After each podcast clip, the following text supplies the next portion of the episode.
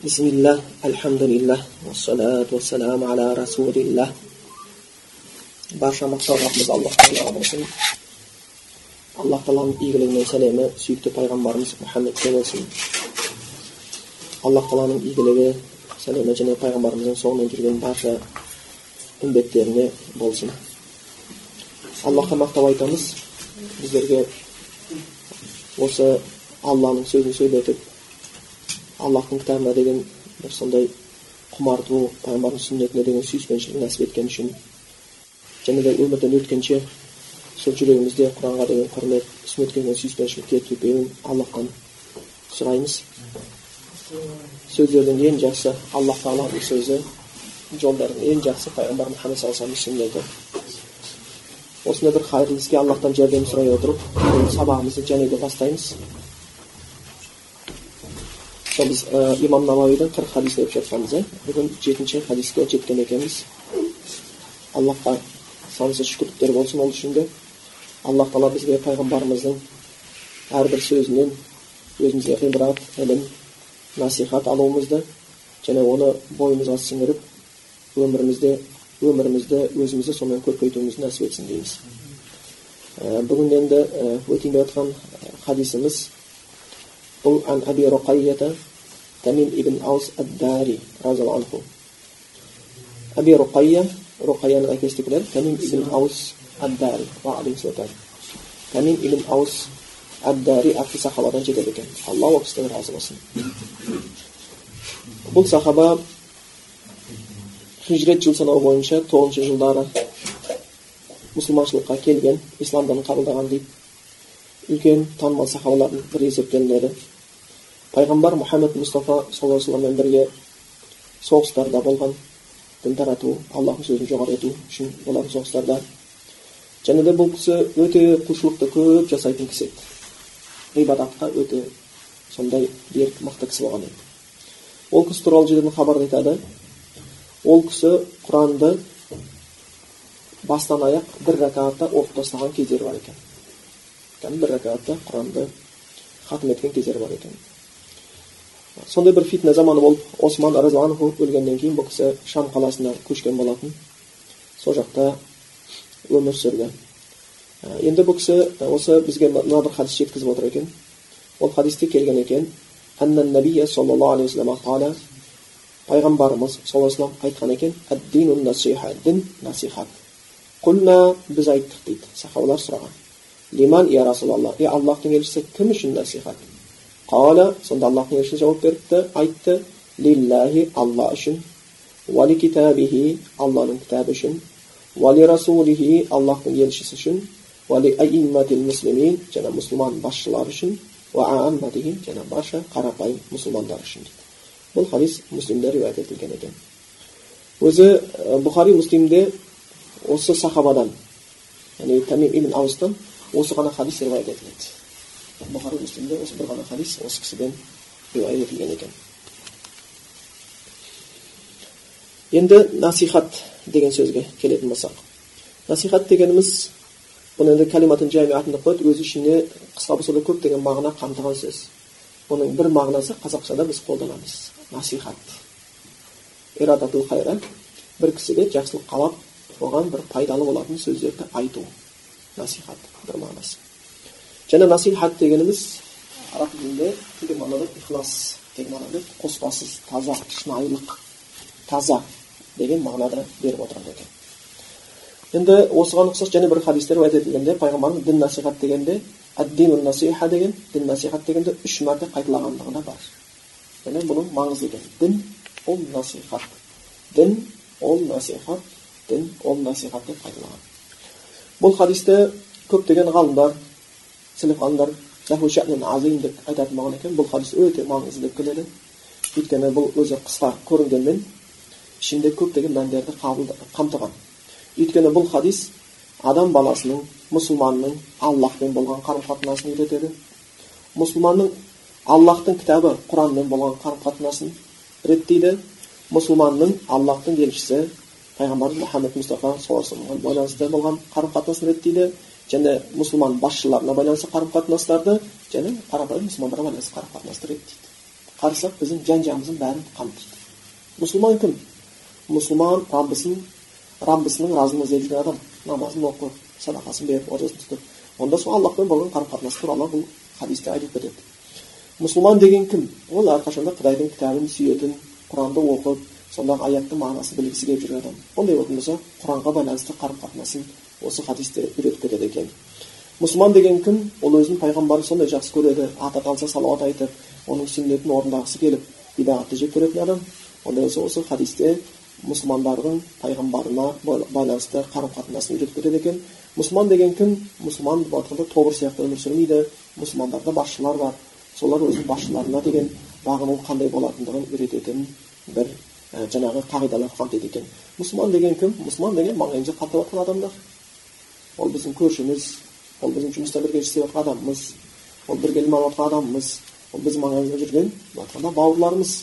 Көшеде кездескен мұсылман болса да мешітте кездескен мұсылман болса осы адамдар мына сол маңайымызда жүрген адамдармен мұсылман бауырлармен болған қарым қатынасты да үйретіп қоятын хадис болып табылады екен. Енді бұл хадисте енді дін насихат деп келіп отыр иә яғни бір мағынасы насихаттың кәдімгі бір жақсылық біреуге қалау. Екіншісі насихат деген ихлас таза деген иә бір нәрсенің тазасы қоспасыз мысалға арабтарда келеді екен мысалға ләбанун насихун деген сөз бар насих ләбан ол деген сөз таза сүт деген мағына береді яғни ешқандай қоспасы жоқ болмаса асалун насихун таза бал ішінде ешқандай қоспасы жоқ ішіндегі жаңағы артық нәрсесін тазалап тұп тұнық қылып қойған балды айтып қояды екен ал дін деген сондай таза болу керек дейді сонда бұл жердегі нәрсе дегеніміз діннің негізгісі насихаттан тұрады насиха деген дін насихат деген діннің негізі кәдімгі деген сияқты ол насихаттан тұратындығы екіншісі дінде кемшілік жоқ деген мағына береді дин халисун таза дін дин софин былай сақ дін сондай мөлдір дін деген сияқты кемшіліксіз дін деген мағына береді ол расында солай. Дінде ешқандай кемшілік жоқ. Егер де мұсылманшылықты ұстап жүрген қандай да бір мұсылман өзінің отбасында әйелімен болған қарым қатынасында еркек әйелдің алдында бір хақысын өтемей қалса әйел күйеуінің алдында бір хақысын өтемей бір кикілжің шыққан болатын болса болмаса бір көшеде мұсылманнан бір оқыс жағымсыз қылық көрінген болатын болса болмаса бір мұсылманға мұсылманға тән емес бір сипат болып көрінген болатын болса ол исламның кемшілігі емес. Ол сол адамның жеке басындағы кемшілік ол исламға таңылмайды ол адамда кеткен ол кемшілік исламды толық білмегендігі үшін болмаса тақуалығының төмендігі үшін ілімінің аздығы үшін болмаса нәпсінің еге болмағандығынан туындауы мүмкін өйткені адам баласы пенде ода пендешілік істер көрініп қалады екен ал діннің өзінде ешқандай кемшілік егер дін осы таза күйінде келген сол дін адамның өмірінің бүкіл саласын қамтыған шындап келген кезде кейбір еуропа елдерінен ислам дінін қабылдаған адамдардың ислам дінін зерттегеннен кейін айтатын таңғалып айтқан сөздері не деп келеді? Кімде кім осы аллахтан келген құран пайғамбар үйреткен сүннетімен өмір сүріп жатқан болатын болса олар онда жәннатты шығар дейді уже олар жәннатқа кіріп қалған адамдар дейді олар жәннатқа кіріп қалған адамдар. Расында егер біз дінді жер бетінде толық орнататын болатын болсақ жер бетіндегі бейбітшілік пен татулықты айтып жеткізу мүмкін емес. Сол үшін бір уақыттарда ондай заман болған ол заманда тарихта асру саада деп аталып кеткен иә бір бақыт асыры деген сияқты. Сондай бір замандар болған мұсылманшылық күшейгені соншалықты кедей адам табу қиын болып қалды. Адамдардың құлшылыққа деген белсенділігі мешіттің қасынан бір үйлер соғатын болған. Есігі әшейін перде. Құлық жоқ басқасы жоқ. Қамба сияқты. Ол кезде пайғамбардың хадисіне амал істеген адамдар не істейтін болған үйінде артық тұрған бір тамағы тағамы болатын болса соны келеді мына артық тұр ғой деген сияқты. Неге сақтап отырмын деп соны апарып қояды екен. Біреудің киімі артық болатын болса барып киімді апарып қояды екен. Біреудің етігі артық болатын болса етікті апарып қояды екен. Сонда екінші бір адам үйінде қонақ келіп тамақтап қалатын болса жаңағы жерге барады екен да керегін ғана алып артығына тиіспей алып кетіп жүретін болған да. Алып кетіп жүретін болған. Сондай бір замандар болған мұсылмандардың кезінде. Енді қазақша айтқан кезде қой үстінде бозторғай жұмыртқалаған деген сияқты сондай бір замандар болған тіпті сондай бір замандар болған мұсылмандар зекет садақа беру үшін не кедей іздесе таппайды бір кісі өзінің бір құмыра алтынын кедейге беремін деп алып шығып анаған барады мен мұқтаж емес мынаған барады мен мұқтаж емес дейді не істерін білмегеннен кейін есік алдына қойып қойып жазып қойған екен керек адам ала берсін дейді сол өмірден өтті дейді сол күйінде құмыра қалды дейді. Ал енді дін әлсірегеннен кейін қазір байлардың өзі кедейлердің өздері дін туралы түсінігі аз болғаннан кейін дүниеге қарым қатынас өзгеріп кетті дұрыс па қазіргі кезде кедей бай болсам деп жүр бай құдай болсам деп жүр да. Айтқанда уже түсінік басқаша. Ол байға тағы берсе бергеншілік ала береді. Бірақ оны кедей кепшікке басқаға таратып ақыреттің жұртын іздейін деген нәрсе болмайды.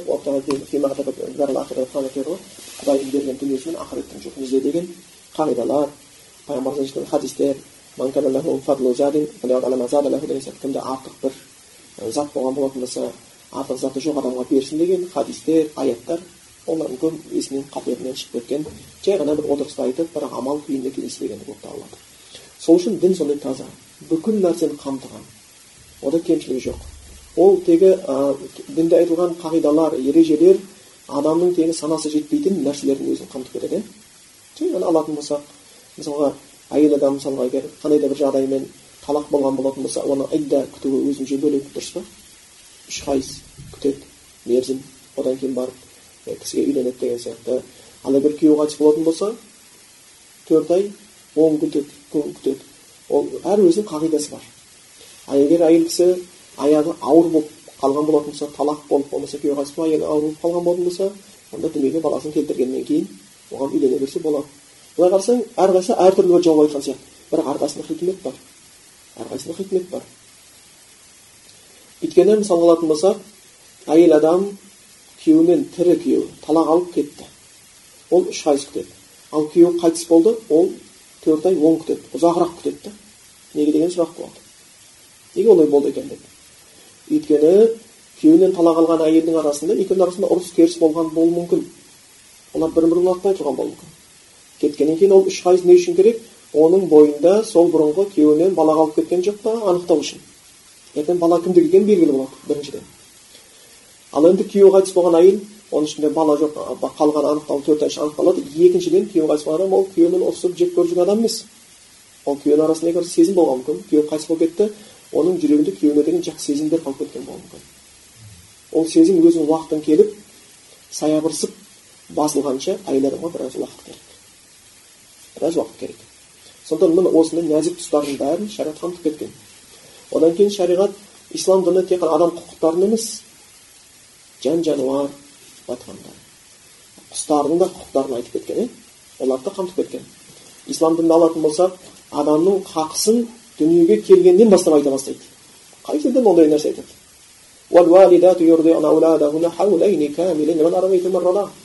Қайсы бір аналар балаларын толық емізсе екі жыл емізсін дейді. Дүниеге келген бала өзі сөйлей алмайды ғой дұрыс па? Хақысын сұрай алмайды. Аллах тағала уже дүниеге келген шыр етіп келген баланың хақысын айтып жатыр. Толық емізгілерің келетін болса денсаулық жарап тұрған болатын болса толық емізіңдер дейді. Оның хақысын беріп жатыр ол нәрсені енді бізде келеміз де қазір ғылым дамығаннан кейін өз көзіммен телевизордан көргенім еді қазақстанның дәрігерлері америкаға барып тәжірибе алмасуға барған екен тәжірибе алмасуға келгеннен кейін оған журналист сұрақ қойып жатыр ол кісілер діннен хабар жоқ бірақ айтқан сөздер дінге сәйкес келіп қалды сонда америкадан барған кезде бір мәселені байқады дейді прививка біздің жерде прививка салдырмаймын десең өкпелейді докторлар дұрыс па қорқытады садикке апарып қабылдамай қояды мектепке кіргізбей қояды үйтпей қояды өйткені ар жағынан отчет тапсыру керек та прививка аз тапсырсаң оған оған таяқ жейді бірақ өзінен сұрасаң прививканың келетін пайда зиянын зерттеп толық айтып берсең ол айтып бере алмайды ал басқа жақтарда ондай мәжбүр түрде жоқ өзі бірінші сұрайды салдырасың ба салдырмайсың ба деп сұрайды дұрыс па бізде салдыр деп айтады болды салдырмаймын десең неге дейді шығады надансыңдар оңбағансыңдар деген сияқты салдырасың ба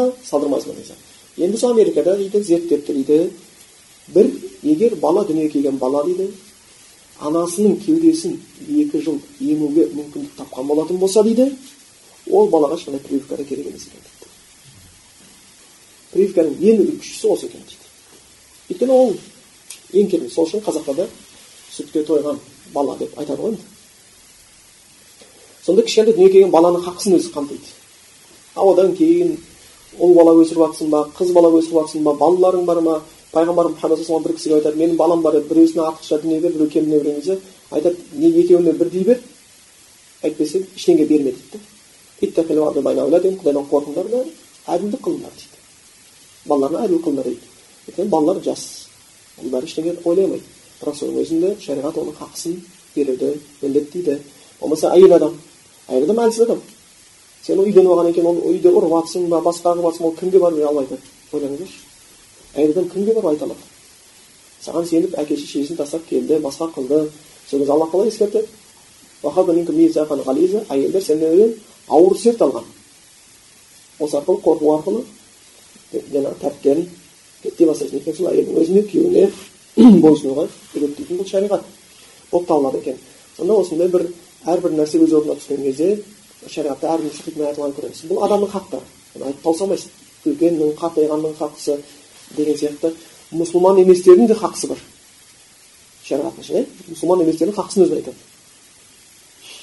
Ал енді ә, сонымен қатар шариғатта тек адам хақысымен шектелмей ол бұл жаңағы діннің насих екендігін кәміл екендігін таза екенін даналыққа толы екендігін айтып отырған тақырыбымыз кірісердің алдында сонымен дінде тек қана адам хақысы емес жануарлардың да хақысын айтып кеткен.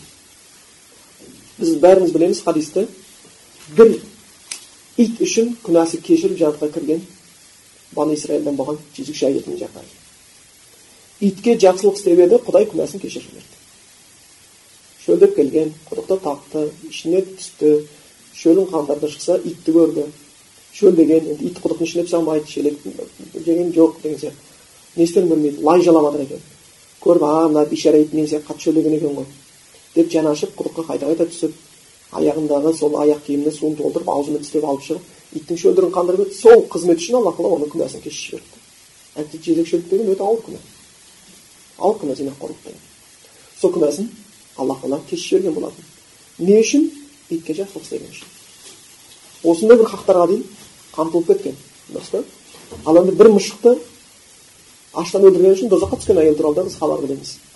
Хадисте. Келеді үйге мысықты қамап қойды. Не тамақ бермеді не бос жібермеді өзі тамақ алып жейді үйге қамап өлтіріпті кәдімгідей сол үшін тозаққа түсіп кеткен дейді. Сол үшін тозаққа түсіп кеткен туралы хабарлар айтылады екен. Сол үшін бұл шариғаттың өзінде қорада баққан қойыңа дейін хақысын айтып қояды.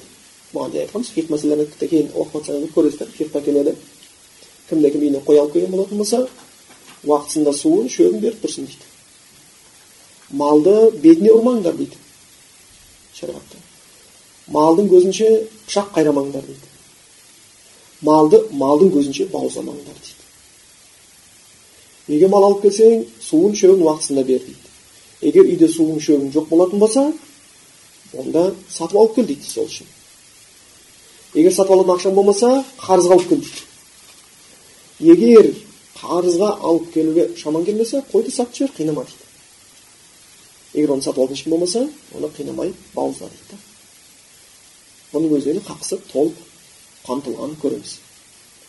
Осы көреміз. Сол үшін пайғамбар мұхаммед мұстафа саллаллаху өз заманында малдарға жаңағындай егер жүк салатын болсаң өгізге жер жыртқызатын болсаң түйеге жүк артқызатын болатын болсаң оның шөбін суын дұрыс беруге бұйырған иә шамасынан артық жүк салып қинап алып жүруді малды бет жоқ самауды малды бастан ұруды тыйым салған болып табылатын бұл шариғат бұның өзі енді жарайды біз бәріміз білеміз адам хақысы айтылған екен бұл жануарлардың малдың хақысы айтылған екен шариғатта субханалла жындардың хақысы айтылған дұрыс па қай дінде осы нәрсе айтылған жындардың хақысы айтылған пайғамбар мұхаммед мұстафа саллаллаху кезінде бір сахабасына дәрет сындырған екен бір тазалатын кесек алып келуді бұйырады хадисте келеді ол кісі екі кесек бір сүйек алып келді дейді да пайғамбар сүйек тастады кесекті пайдаланды дейді кейін айтты дейді бұл жындардың азығы оны ластауға болмайды дейді олардың хақысын өзін сол үшін кейбір ә, сахабалардың әдеттерінде сүйегін жуған кезде азын аулақ ет қалдырып қоюшы еді дейді да оларға бір молырақ қалсын деген сияқты олардың хақысын өзін ойланып жатқанын біз көреді екенбіз сондықтан жаңағы ол жындардың құран аятында жаңағы пайғамбарымызға құран аятын тыңдап мұсылманшылыққа өткендігі жайында хабарлар бар. Олардың хақысы жайында хабар. Сол үшін шариғатта сүйекпен жаңағы дәретсіздік болған екен тазалануға тыйым салған. Өйткені ол жындардың азығы. Олардың тамағын ластама деген сияқты күйде енді біздің заманда сәл бір кішкене ескертпе айтып кеткім келеді. Қазір біздер көбінесе мынау этаж үйде басқа тұрғаннан кейін тамақ ішеміз басқа қыламыз сосын біздерде бір мусор салатын шелек болады. Соған әйтеуір ә, шелекке тамақтың қалдығын саламыз сүйек саламыз басқа аламыз. Бірақ бір нәрсені ескерген жақсы. Негізі сүйек тамақты бөлек мусор басқаны бөлек салған жақсырақ болады. Өйткені егер біз сүйек салып оны памперспен араластырып жіберген болатын болсақ жындардың қақысына кепшіге салып жатырмыз түсіндіңдер ғой пайғамбар олай істеген жоқ. Пайғамбарға екі кесек бір сүйек алып келіп сүйекпен тазаланған жоқ. Бұл жындардың азығы деді сол үшін шариғаттың өзінде жындардың хақысына дейін айтылып кеткен жындардың хақысына айтылып кеткен тіпті ғалымдар бұл жердегі адам хақысы бала хақысы әйел хақысы ата ана хақысы деген сияқты емес өзіңнің хақысың тіпті адам денесіндегі дене мүшелерінің хақысына айтылады кейбір фақих ғалымдар айтады дәрет алған кезде оң қолыңды сумен екі рет жусаң болмаса оң қолыңды сумен үш рет жусаң сол қолыңды екі рет жуып қойсаң қиянат жасадың дейді да дәрет алып жатқан кезінде мынаны үш рет жусаң үш рет жу мынаны екі рет жусаң екі рет жу дейді да оның өзіне қиянат қылма дейді енді ойлаңыздаршы осылай бір қолына қиянат қылмайын деп жүрген мұсылман адам бір итке сауап істесем жәннатқа кіремін деп жүрген қиянат қылсам тозаққа түсемін деп жүрген мұсылман адам одан кейін қалай жамандыққа баруы мүмкін тек қана нәрсе болуы мүмкін ол дінді білмегендіктен ғана сондықтан дін кәміл таза енді бұл жалпы діннің бүкіл нәрсені қамтитынын айтып кеткен енді ары қарай хадистің өзіне келейік дін ол насихат сахабалар сұрайды құлна біз айттық дейді лиман я расулаллах аллахтың елшісі кім үшін насихат деп сұрадық дейді пайғамбар мұхаммед мұсалам жауап берген кезде мынандай жауаптар берді алла үшін деді кітаптары елшісі үшін деді имамдар үшін және барша үшін деп осы бес қағиданы айтып кетті бес топты айтып кетті бірінші алла үшін алла үшін насихат деген не нәрсе алла үшін насихат дегеніміз дінді айтқанда ұстанған кезде аллахтың разылығы үшін ұстану болып табылады екен алла үшін насихат дегеніміз сонда біз айттық насихат дегеніміз таза шынайылық деген мағына береді дедік өзің мен раббыңның арасындағы қарым қатынасқа кедергі болатын нәрселерден қорқу. Өзің мен раббыңның арасындағы қарым қатынасты жақсаратын жақсартатын істерге көңіл бұру. Осы насихат дейді. Түсіндіңдер ғой насихат деген осы. Мұсылман үшін бұл ең маңызды мәселе. Бұның ішіне кейбір ғалымдар айтады діндегі үш мәртебе кіріп кетеді дейді. Ислам иман ихсан бәрі бұның ішіне кіріп кетеді кетеді сол үшін адам баласы әрқашанда алла үшін жасап жатқан ғибадатына көңіл бұру керек біздің әрбір істеп жатқан ісіміз әрбір сөйлеп жатқан сөзіміз жасап жатқан қылығымыз адамдармен болған қарым қатынасымыз екі нәрсенің біреуі не бізді құдайға жақындатып жатыр не құдайдан алыстатып жатыр мұсылман осыған қатты ойланады осыған қатты ойланатын болып табылады екен сол үшін иманның ең абзалы не деп келеді иман иманның ең абзалы сенің білуің дейді қай жерде қай күйде болсаң аллах өзіңмен бірге екенін естен шығармау бұл ең абзалы ең абзалы осы болып табылады ілім деген өзі осы ілім дегеніміз құдайды тану аллахтың бүкіл нәрсені көріп тұрғанын біліп тұрғанын хабардар екенін естен шығармау осы нәрседе әрқашанда мұсылманға ықтияттылық таныту керек болып табылады екен. Насихаттың ең үлкені аллахпен болған насихаттың ең үлкені таухид. бір ғана аллах тағаланың ғибадатқа лайықты екенін білу. Ал енді аллах болған насихаттың ең үлкені ең бұзылатыны ең қиянаты ең жаманы ширк. Аллахты мойындағаннан кейін оның қатарында аллахтың жаратылыстарының біріне тәңірлік сипат беріп құдайлық сипат беріп оған қатарында сүйіну бұл үлкен күнә болып табылады алла одан сақтасын алла одан сақтасын сол үшін мұсылман адам осыған көңіл бұру керек енді қазір біз сондай бір заманда өмір сүріп жатырмыз ақыр заман жақындаған сайын адамдар діннен алыстап дүниеге жақын болатындығын хабарлайтын хадистер бар қазіргі кезде адамдардың көбісі аллахтың алдындағы мәртебесінен гөрі адамдар артындағы мәртебесін көбірек ойлайды осындай ой болғаннан кейін қоғамда бір тәртіп болуы ол мүмкін емес нәрселер. Міндетті түрде әркім адамдар артында бір жақсы сөзге ие боламын дегеннен кейін бір жақсы мәртебеге ие боламын дегеннен кейін бәрі жоғары ұмтыла бергеннен кейін олардың арасында хасад көре алмастық қиянат зұлымдық деген нәрселер жамандық жасау біріне деген нәрсе көбейеді неге? Өйткені бәрі бір нәрсеге талпынды біреу дүниені жақсы көреді дүние үшін ұмтылып жатыр дүние оның махаббаты бүкіл махаббатын сол дүниеге берген енді жай бір қараңыздаршы мысалы бір кісі ер кісі әйелі бар әйелін қатты жақсы көреді сол кезде бір екінші еркек адам келіп соның әйеліне ғашық болып ұмтылып жатқан болса мен де осы әйел аламын десе ана еркек не істейді бүкіл күшін салады ана еркекті ол әйелге жеткізбеу үшін түсіндіңдер ғой сол сияқты кімде кім дүниені сондай дәрежеде жақсы көретін болатын болса оны дүниені жақсы көретін басқа адамдар бар түсіндіңдер ғой. Ол дүниені қорғаймын деп бір біріне қиянатқа барады. Өлтіруге дейін барады. Бірін бірін сатуға дейін барады. Өйткені олар мақсаты сол. Ал мұсылман адам ол дүниені жүрекке кіргізбеуге тырысады. Аллахтың ең ұлы заты аллах екенін біледі. Дүние құдайдың қолында.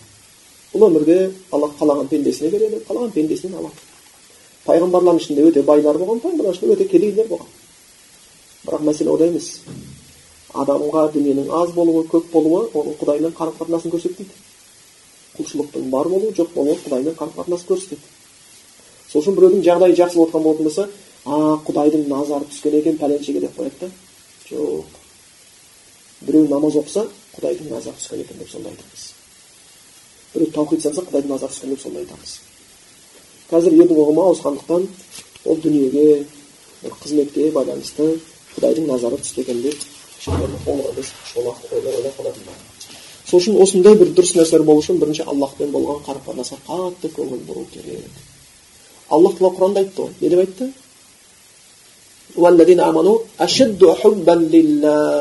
Аллахқа иман келтіргендер деп. Кімді айтып жатыр бізді айтып жатыр мұсылмандарды айтып жатыр аллахқа иман келтіргендер қандай дейді аллах тағаланы өте қатты сүйеді дейді бұл құдайдың сөзі аллах бізді өзін сүйеді деп айтып жатыр өте қатты сүйеді деп айтып жатыр расында солай ма біз өзімізге қарауымыз керек ақыреттің тірлігі алланы риза қылатын іспенен адамды риза қылатын іс қатар келіп қалды қайсысын істейсің бер сынаққа түсесің содан кейін осыдан ары адам баласы ісі белгілі болып қалады ісі белгілі болып қалады екен сол үшін егер біз аллах тағаланы қатты сүйетін болатын болсақ аллах иман келтірген солай сипатталады яғни мұсылманшылықтың бір несі аллахты сүю аллахтан қорқу аллахтан үміт ету егер біз аллах тағаланы қатты сүйетін болсақ онда аллах тағаланың сөзін де қатты сүюіміз керек аллахтың айтқанда бізге бұйырған істерінде қатты сүюіміз керек. Аллахпен құлшылықта бірге болуда бізге қатты сүйікті істерден болуға тиісті қатты істерден болу қазіргі кездегі бір сирексіп бара жатқан нәрсенің бір құлшылықтың бір түрі кей адам баласы раббысымен жеке қалып оңашаланып шыннан ақтарылып күнәларын мойындап алла өмір сүріп жатырмын кемшіліктерін кетіп жатыр. Тілмен кей кезде кетіп қалады. Ағаттық құлақпен кей кезде бір жаңағы болмайтын нәрсе естіп қоямыз. Көзбен бір қарамайтын нәрсені қарап қойдық аллах тағала. Енді менің күнәмді сенен басқа ешкім кешіре алмайды. Білемін қияметтің күнінде бұл күнәмді туған шешем де әкем де балам да туғаным туысқаным да ағам да ешкім алып кете алмайды. Сен өзің мейіріміңменен кешіре аласың. Сенің мейірімің менің күнәмнан кең деп отырып аллахпен раббысымен жеке оңашалатын адамдар осы ғибадат азайып бара жатыр бұл ғибадат үлкен ғибадаттың бірі екен жаңағы ертең қияметтің күнінде аллахтың саясында болатын жеті адамның біреусі кім аллахпен жеке қалып аллахты ойлаған кезде көзінен жас келген адам өмірде жақсы көретін адаммен бір жеке қалғың келеді ғой дұрыс па жақсы көретін адаммен бірге бір шай ішкің келеді ғой жақсы көретін адаммен бірге сапарда болғың келеді солай емес па субханалла біз аллахтан артық сүйетін нәрсеміз бар ма ол мүмкін емес нәрсе сол үшін біз аллах айтқан сияқты иман келтірген аллахты өте қатты сүйеді дейді онда аллахқа жақындататын әрбір іс бізге сүйікті болу керек аллах тағала құран жақындата ма құранды сүйеміз намаз жақындата ма намазды сүйеміз садақа жақындата ма садақаны сүйеміз яғни аллах тағалаға ең жек көретін нәрсенің бәрінен алыс боламыз ширкті жек көреді ме аллах айтты ма аллах ширк күнәсін кешірмейді деді ма ой бітті бұл деген ат алып қашамыз өзіміз үшін де бала шағамыз үшін де қорқамыз ширктен ат алып қашамыз аллахтың сүйетін ісін сүйіп жек көретін нәрсесін жек көреміз аллахтың сүйгендерді сүйіп аллахты жек көргендерді жек көре бастаймыз аллах жолындағы махаббат аллах жолында жек көру деген нәрсе болып табылады екен сол бұл жаңағы біріншісі аллах жаңағы үшін болған насихат екіншісі аллахтың кітабына болған насихат дейді бұл аллахтың кітабына болған насихат қандай бірінші аллахтың кітабы аллахтан келгеніне сену бұл аллахтан түсті оған ешбір керек бұл құран әлемнің раббысы аллахтан түскен кітап аллахтан түскеніне ешқандай күмәніміз болмайды екіншісі бұл кітаптың ішінде ешқандай күдік жоқ екіншісіне сенуіміз керек ішінде кемшілік күдік деген кітап бұл кітап райб біз енді қазақша күдік деп алып жатқан шығармыз бірақ арабтарда күдік деген сөзді бірнеше сөзбен түсіндіреді райб шәк шәк деген шектену дейді қазақта күдіктену бірақ күдіктену шәктену деген біз бір ортақ мағынада кей кезде қолданып қаламыз иә синоним сөз деп қоя саламыз ал араб тілінде райб деген шәктен де азы да ондай нәрсе жоқ алла құран деп жоқ тіпті шәктен төмен нәрсе жоқ сонда бұл кітап аллахтан келгеніне ешбір күмәнданбауымыз керек және ол кітаптың ішінде ешқандай кемшілік жоқ толған ақиқат ақиқат раббыңнан күдіктенушілерден дейді болды ал ақиқат алладан сол үшін алла тағала құранда бір нәрсені айтты ма жер бетіндегі алты миллиард адам екінші нәрсені айтты ма сәйкес келмей жатыр ма? Жоқ аллахтың айтқаны дұрыс болады адам пенде қателесуі мүмкін. Сондықтан бұл ә, бірінші құранға иман келтіріп аллахтан түскеніне иман келтіруіміз керек. Аллахтан түскен иман келтіргеннен кейін аллах бізге көңіл болды деген сөз. Біз бұған дейін жиі айтатынбыз иә саған біреу хат жіберсе әкең ба шешең ба балаң ба әйелің ба сен сол хаттың өзін қызығып оқисың ғой не жазды екен деп. Ал әлемнің раббысы аллах тағала саған құран жіберіп тұрса аллахтан келген хат болатын болса қалай оны оқымай жүре беруге болады. Осы арқылы көп адамдардың аллахтың кітабына деген құрметі ажырата иә қазір біреу отырып алып ойбай не дейсің? Марадонаның жағдайы не болыпты футбол тастаған екен ана наркотикке беріп кетті ғой деген газет жазатын болса сол газетті сатып алып тұрып ақшасын беріп алып оқуы мүмкін да ойбай ана мадонна деген не болыпты не үшін өліп қалды ол? Оны алып оқуы мүмкін. Жұлдыздар отбасы деген ойбай журнал деген ең қатты өтетін журнал болды. Неге? Біреу жұлдыздардың өмірі туралы қызық.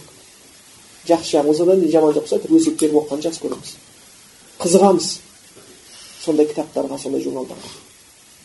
Ал әлемнің раббысы алладан келген кітапқа қызықпаушылық көрсетеді сені қаншалықты құдайды жақсы көретініңді.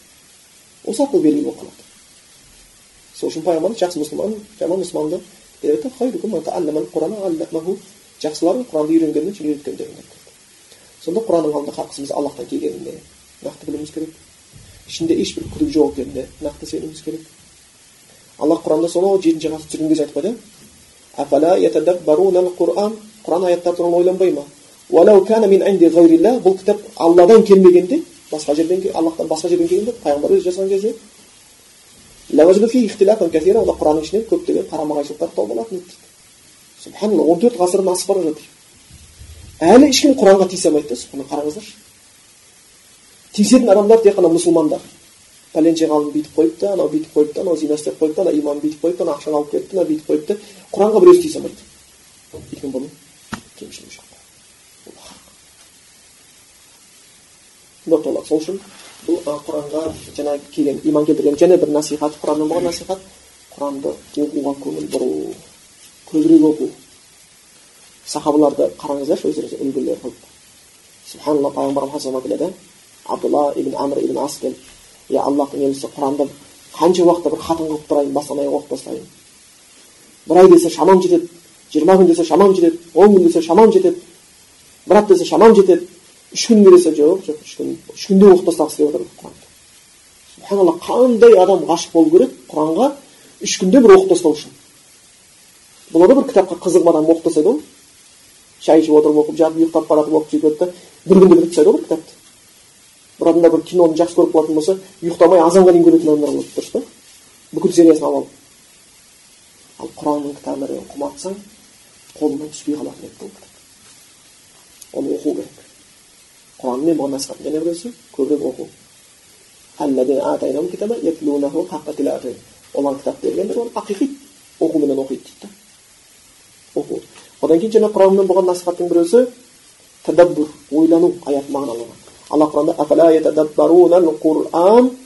олар құран аяттарды ойланбай ма жоқ әлде жүректерінде құлыптар бар ма дейді да бұл аят мушрик кәпірлерге түскен мушрик кәпірлер неге құран аяттары ойланбайды деп оларды айыптаған болатын болса мен мұсылманмын деп құран аяттарын ойланбайтын адамдардың жағдайы не болатыны қайран қалады сол үшін құран аяттарын оқып отырып ойлану керек иә оның ішінде қиссаларға оның ішінде келген бұйрықтарға оның ішіндегі тиымдарға көңіл бұру керек. Құранмен болған насихаттың және біреусі құранда істе деген нәрсені істеп тыйыл деген нәрседен тыйылу керек. Халал деген халал деу керек харам деген харам деу керек. Құр құранды ағмады қорап қойып сандыққа сақтап қойғаннан ешқандай пайда шықпайды.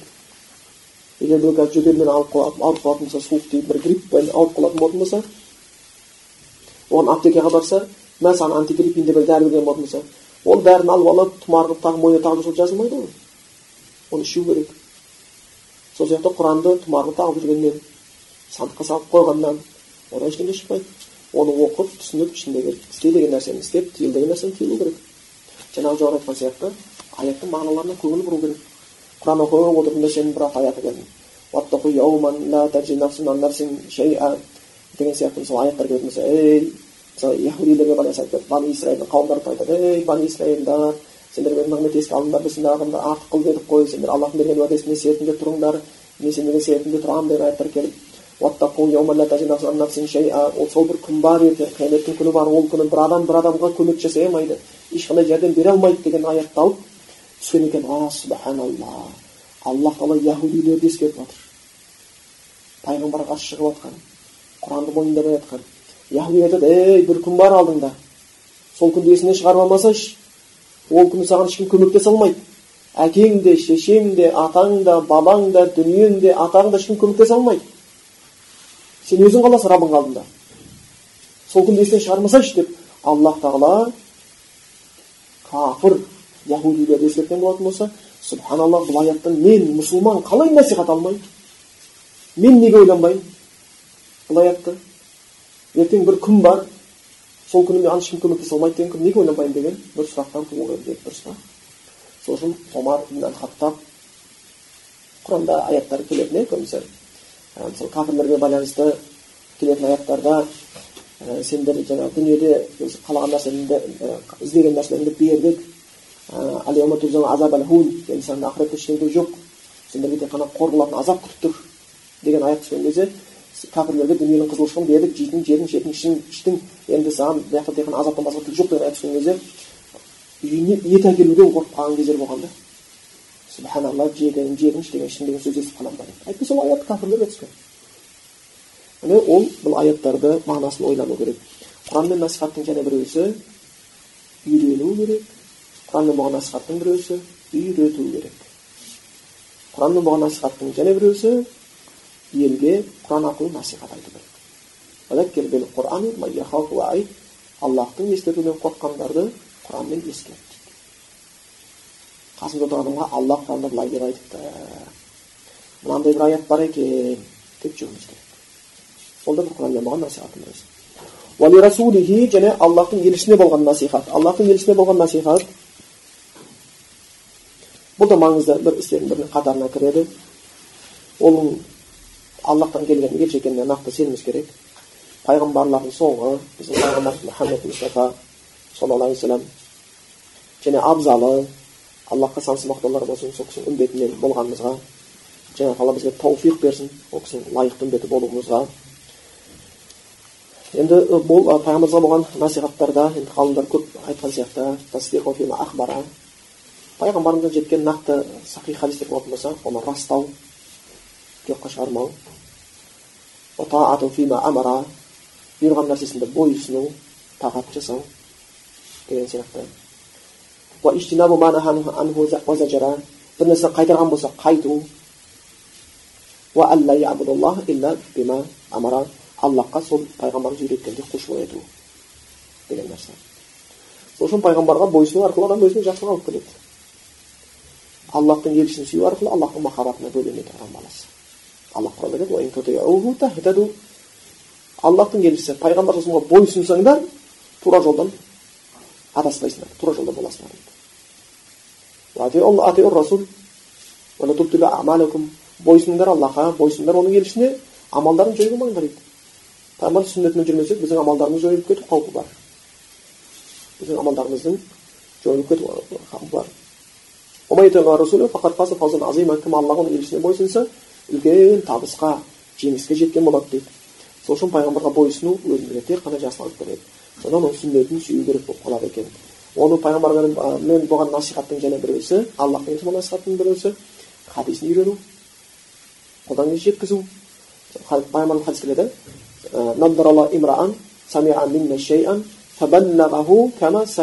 аллах тағала бір пенденің жүзін нұрландырсын ол бізден бір хадис естиді да тура сол күйінде өзгертпей екінші біреуге жеткізеді бұл пайғамбарымыздың батасы болды пайғамбардың батасына алғысы келген адам болды біреуге маған дұға қойшы ахи маған дұға қойшы ахи деп жүреміз ғой бірімізге пайғамбардың дұғасын ал пайғамбардың дұғасын алғың келетін болса болды пайғамбар айтып қойды менен бір хадисті алып екінші біреуге өзгертпей жеткізсең пайғамбар уже бата беріп қойған жүзің нұрландырсын деп. Сол үшін хадис ғалымдарының көбісінің жүзі нұрлы дейді да. Осы күйінде. Ал енді біздің шамамыз жетпей жатса мәтінін тура сөзбе сөз жеткізуге онда мағынасын да жеткізуге болады. Бірақ айту керек онда. Мен хадис айтып жатырмын деп айтасың сөзбе сөз жеткізсең сөзбе жеткізсең осы мағынадағы хадис бар деп айту керек. Өйткені қиянат болып кетіп түсіндіңдер ғой. Мен мағынасын айтып жатырмын деп айтуларыңыз керек. Ертеңгі сіздің өз тарапыңыздан қосқан бір екі сөзіңізді пайғамбардың сөзі деп ойлап қалмау үшін біреулер мен мағынасын айтып жатырмын онда да ол бір жеткізген болып қалады сосын пайғамбардан өтірік сөйлеуден сақ болу пайғамбарға насихаттың бірі пайғамбар кім менің атымнан жалған сөйлейтін болса әдейілеп тұрып дозақтан орнын дайындай берсін деген да алла сақтасын сол үшін шамамызды келіп жатқан адамдарға ғалымдар мен бір хадистің жету жолдарын иснаттарын біліп сөйлеп жатса ол нұр үстіне нұр оған шамасы жетпесе онда сахих кітаптарға сүйену керек бұл бұхариде келген хадис екен муслимде келген хадис екен оны осы имамдар имам термизи деген сияқты ибн мажа сода жеткен хадис екен деп жеткізіп отыру керек ал егер бір хадис әлсіз болып қалатын болса оның өзі айту сиаты тамрид деп қояды мысалға там жеткен сахих хадистерді қала деп айтамыз пайғамбар айтты дейміз ал хадис әлсіз болатын болса ол мағынасы сахих болып әлсізға жеткізетін болса онда қиила деп айтады делінеді осындай дегенде бар сахих хадисті нақтылаймыз ал әлсіз хадисті жобалап жеткіземіз осы сияқты хадистер бар екен яғни сахи хадис пен заиф хадис арасы ана жерде ажырап тұру үшін сөйтіп ол хадистерді де жеткізіп білдіріп отыруымыз керек пайғамбар болған насихаттың біреусі пайғамбарымызды өзіміздің әкемізден шешемізден бала шағамыздан барша адамнан артық сүюге тиістіміз пайғамбарға деген махаббатымыз бүкіл адамзат баласына деген махаббаттан жоғары болу керек баламызға деген махаббаттан бәрінен жоғары болу керек яғни бұл не деген не егер біздің бала шағаларымыз аллахты оның елшісін жақсы көріп тұрған болса біз оларды жақсы көрген соң жақсы көреміз біздің біздің бала шағаларымыз алла сақтасын ондай болмасын аллахтың дініне оның елшісіне қарсы болатын болса ол бізге оны жақсы көрмейміз оған деген сезімдерімізді тоқтатамыз өйткені біз аллах пен оның елшісін өзіміздің баламыздан әке шешемізден артық жақсы көруге тиістіміз сол үшін хадисте келеді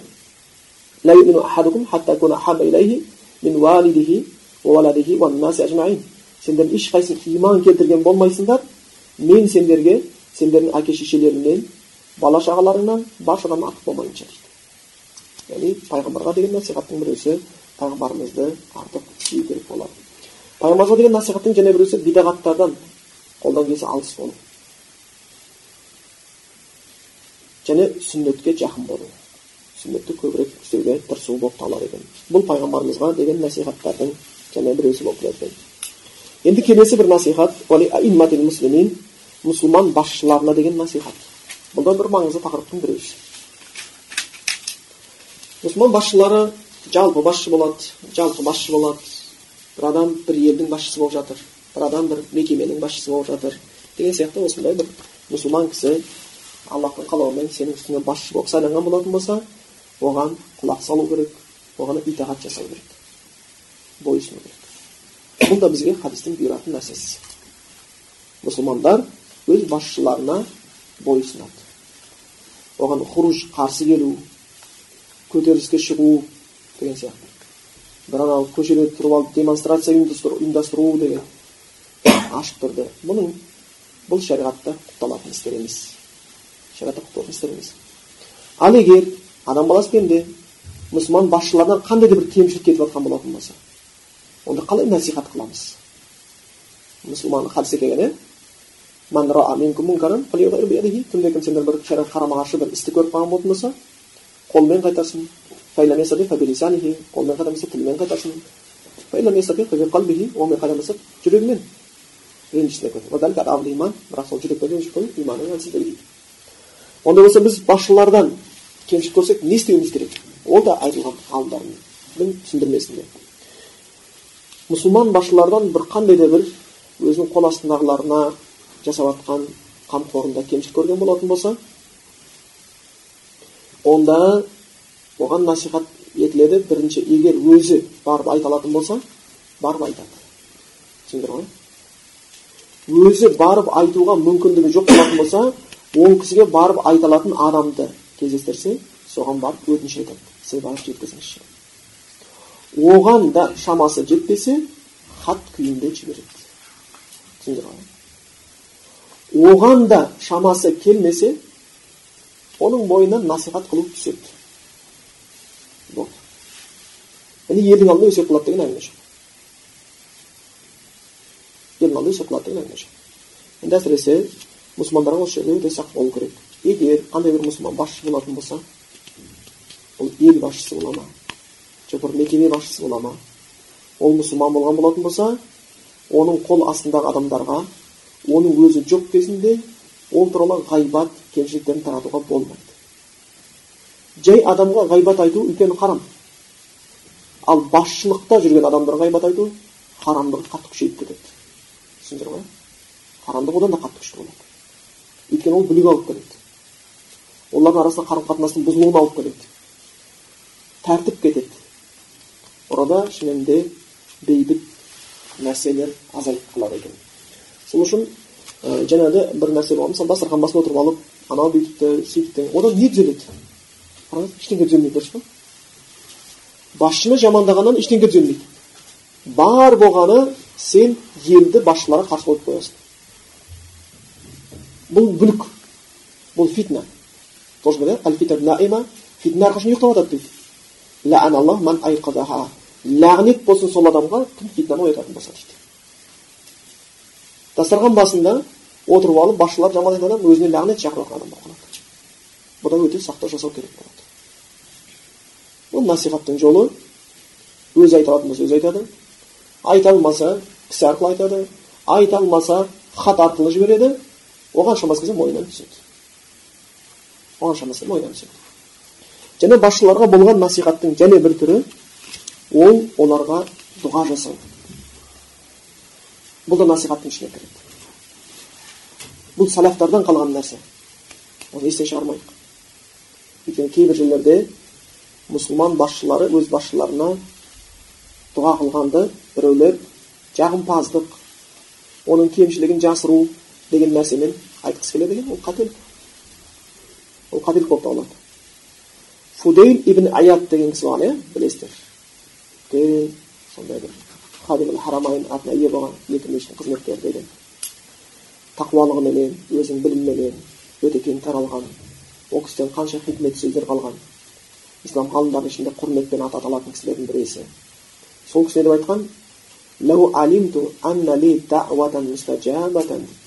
егер мен білсем дейді да менің бір дұғам сөзсіз қабыл болатын бір дұғам бар қабыл болып кетеді білсем дейді да осы дұғаны қазір қандай не тілесең тіле қабыл болады деген нәрсені білсем дейді енді біз білмейміз ғой алла білуші не дейді оны патшама істер едім дейді өзіме істемес едім дейді неге өзіме қылсам жақсылық өзіме дейді патша қылсам елге дейді да.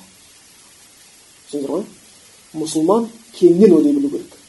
Мұсылманда эгоизм онша болмайды. Мұсылман өзгелердің пайдасын өз пайдасынан жоғары қоя білетін адам. Сол үшін ол кісі бұл кісінің сондай бір терең түсінгендігінен түсінгендігінен құран сүннетті терең білгендігінен бір қабыл болатын дұғам бар болатын болса оны патшаға жасар едім дейді да.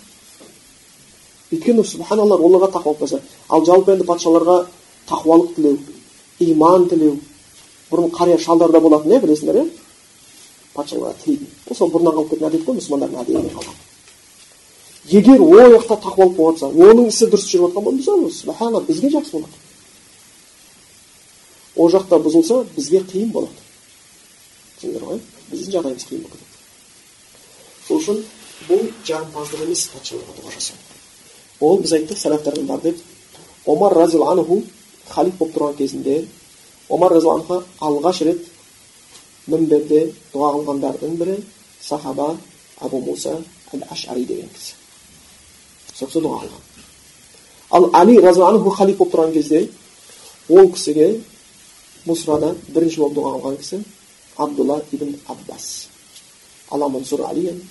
Деген сияқты. Алла алиге ақиқаттың үстінде тұруға ақиқат таратуға жәрдем ет деп дұға қылған.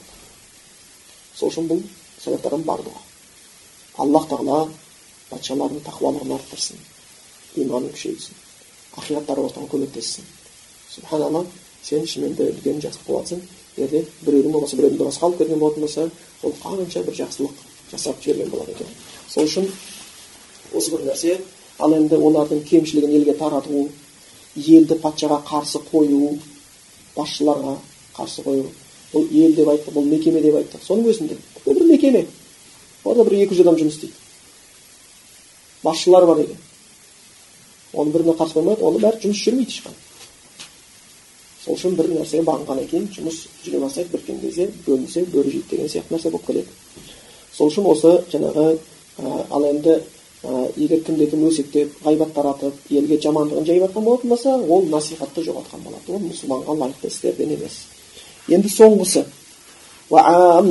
келеді және барша мұсылманға насихат бесіншісі бұл да өте маңызды барша мұсылманға деген насихат барша мұсылманға деген насихат ол не деген сөз саған жәрдеміңе мұқтаж болатын болса сен көмектесіп жатқан болсаң көмектесіп жіберу кім бауырының жәрдемінде болған болса алла оған жәрдем етеді дейді мұсылмандарға деген насихат жаңағы дейді ғой сенен бір насихат сұрап келсе олар бір үйленейін деп едім насихат айтып жіберіңізші ілім жолына шығып бара жатыр насихат айтып жіберіңізші десе онда насихат айту болмаса біреу келіп айтса мен осы қызымды пәленшеге берейін деп едім сол жігіттің жақсы жаман екенін білмей тұрмын айтыңызшы десе ол кезде кемшілігі болса да айту керек болып қалады түсіндіңіздер ғой ол ғайбатқа кірмейді болмаса бір маңызды жұмысты біреуге тапсыру керек мен осындай бір бизнестен маңызды жұмыс тапсырайын деп жатырмын пәлен деген жігіт істеймін деп жатыр сол аманатқа қалай еді айт деп екінші мұсылманға айтқан болса ол оны жасырмай айту керек ол насихат ол есептелмейді ол ғайбатқа кірмейді бірақ ол елге жаю емес өздерінің арасында сәлафтар көбінесе айтатын ілгергі сәлафтардан қалған әдеттер олар насихат қылған кезде деп келеді өздерінің арасында насихат қылатын дейді да фудейл ибн аяд айтады не деп айтады әл мумину ястуру дейді мұсылман дейді мұсылман бауырының кемшілігін жасырып насихат қылады дейді да жеке алып барып насихат қылады дейді уәл фажир бұзық адам болатын болса не қылады дейді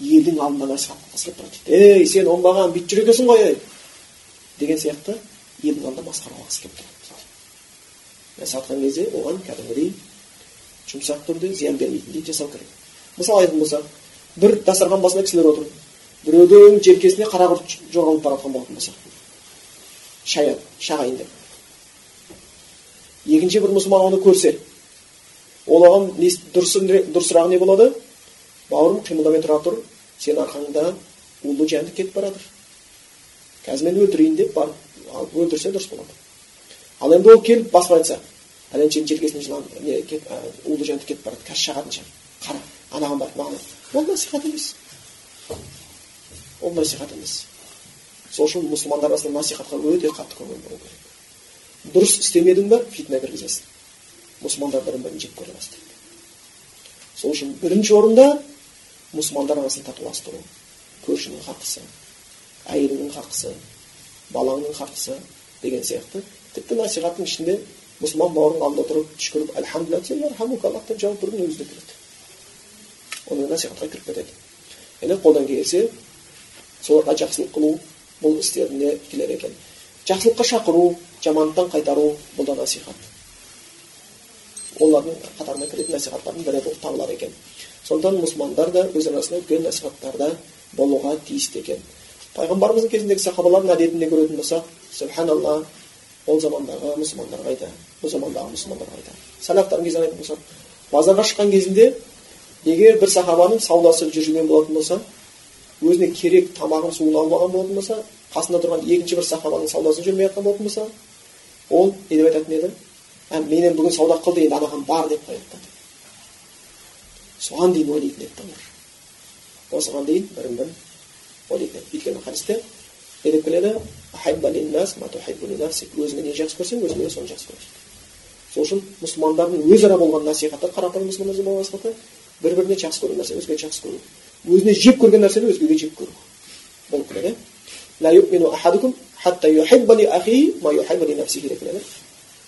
хадис сендер толық иманды бола алмайсыңдар өзіңнің мұсылман бауырыңа өзіңе жақсы көрген нәрсені жақсы көрмейінше сені біреу мазақ қылғанын жек көресің ба? Оны мазақ қылма. Сені біреу ғайбаттағанын жек көресің ба? Оны ғайбаттама. Сенің малыңа біреу қиянат қылғанын жек көресің ба? Оның малына қиянат қылма. Мұсылман насихаттың біреусі бірімен уәдеде тұру. Малмен болған қарым қатынаста қарыз алу қарыз беруде дұрыс алу дұрыс қайтару деген сияқты. Біреудің малына дүниесіне зиянат қиянат жасамау бұл да насихаттың ішіне кіретін болып табылады екен. Сондықтан бұл жаңағы жалпы насихаттар екен сондықтан бұл жалпы діннің көптеген мағынасын қамтиды аллах тағала білмеген қандай да бір кемшілік болса кешірім етсін сөзден ісімізден кетіп жатқан болатын болса аллах тағала біздің жүрегімізге әрқашанда сол өзінің кітабына деген үлкен махаббат нәсіп етсін өзінің сүннетіне деген махаббат нәсіп етсін мұсылман әлеуметіне тыныштық берсін олардың әйтеуір білімдерінің ақылақтарының көтеріңкі болуын нәсіп етсін өзара татулық нәсіп етсін дұшпандардың айдасынан сақтасын аллах тағала біздің ішкі сыртқы дүниемізді таза етіп кәміл етіп осы кәміл дұрыс жүріп ертең аллахтың жәннатына лайық болуымызды нәсіп етсін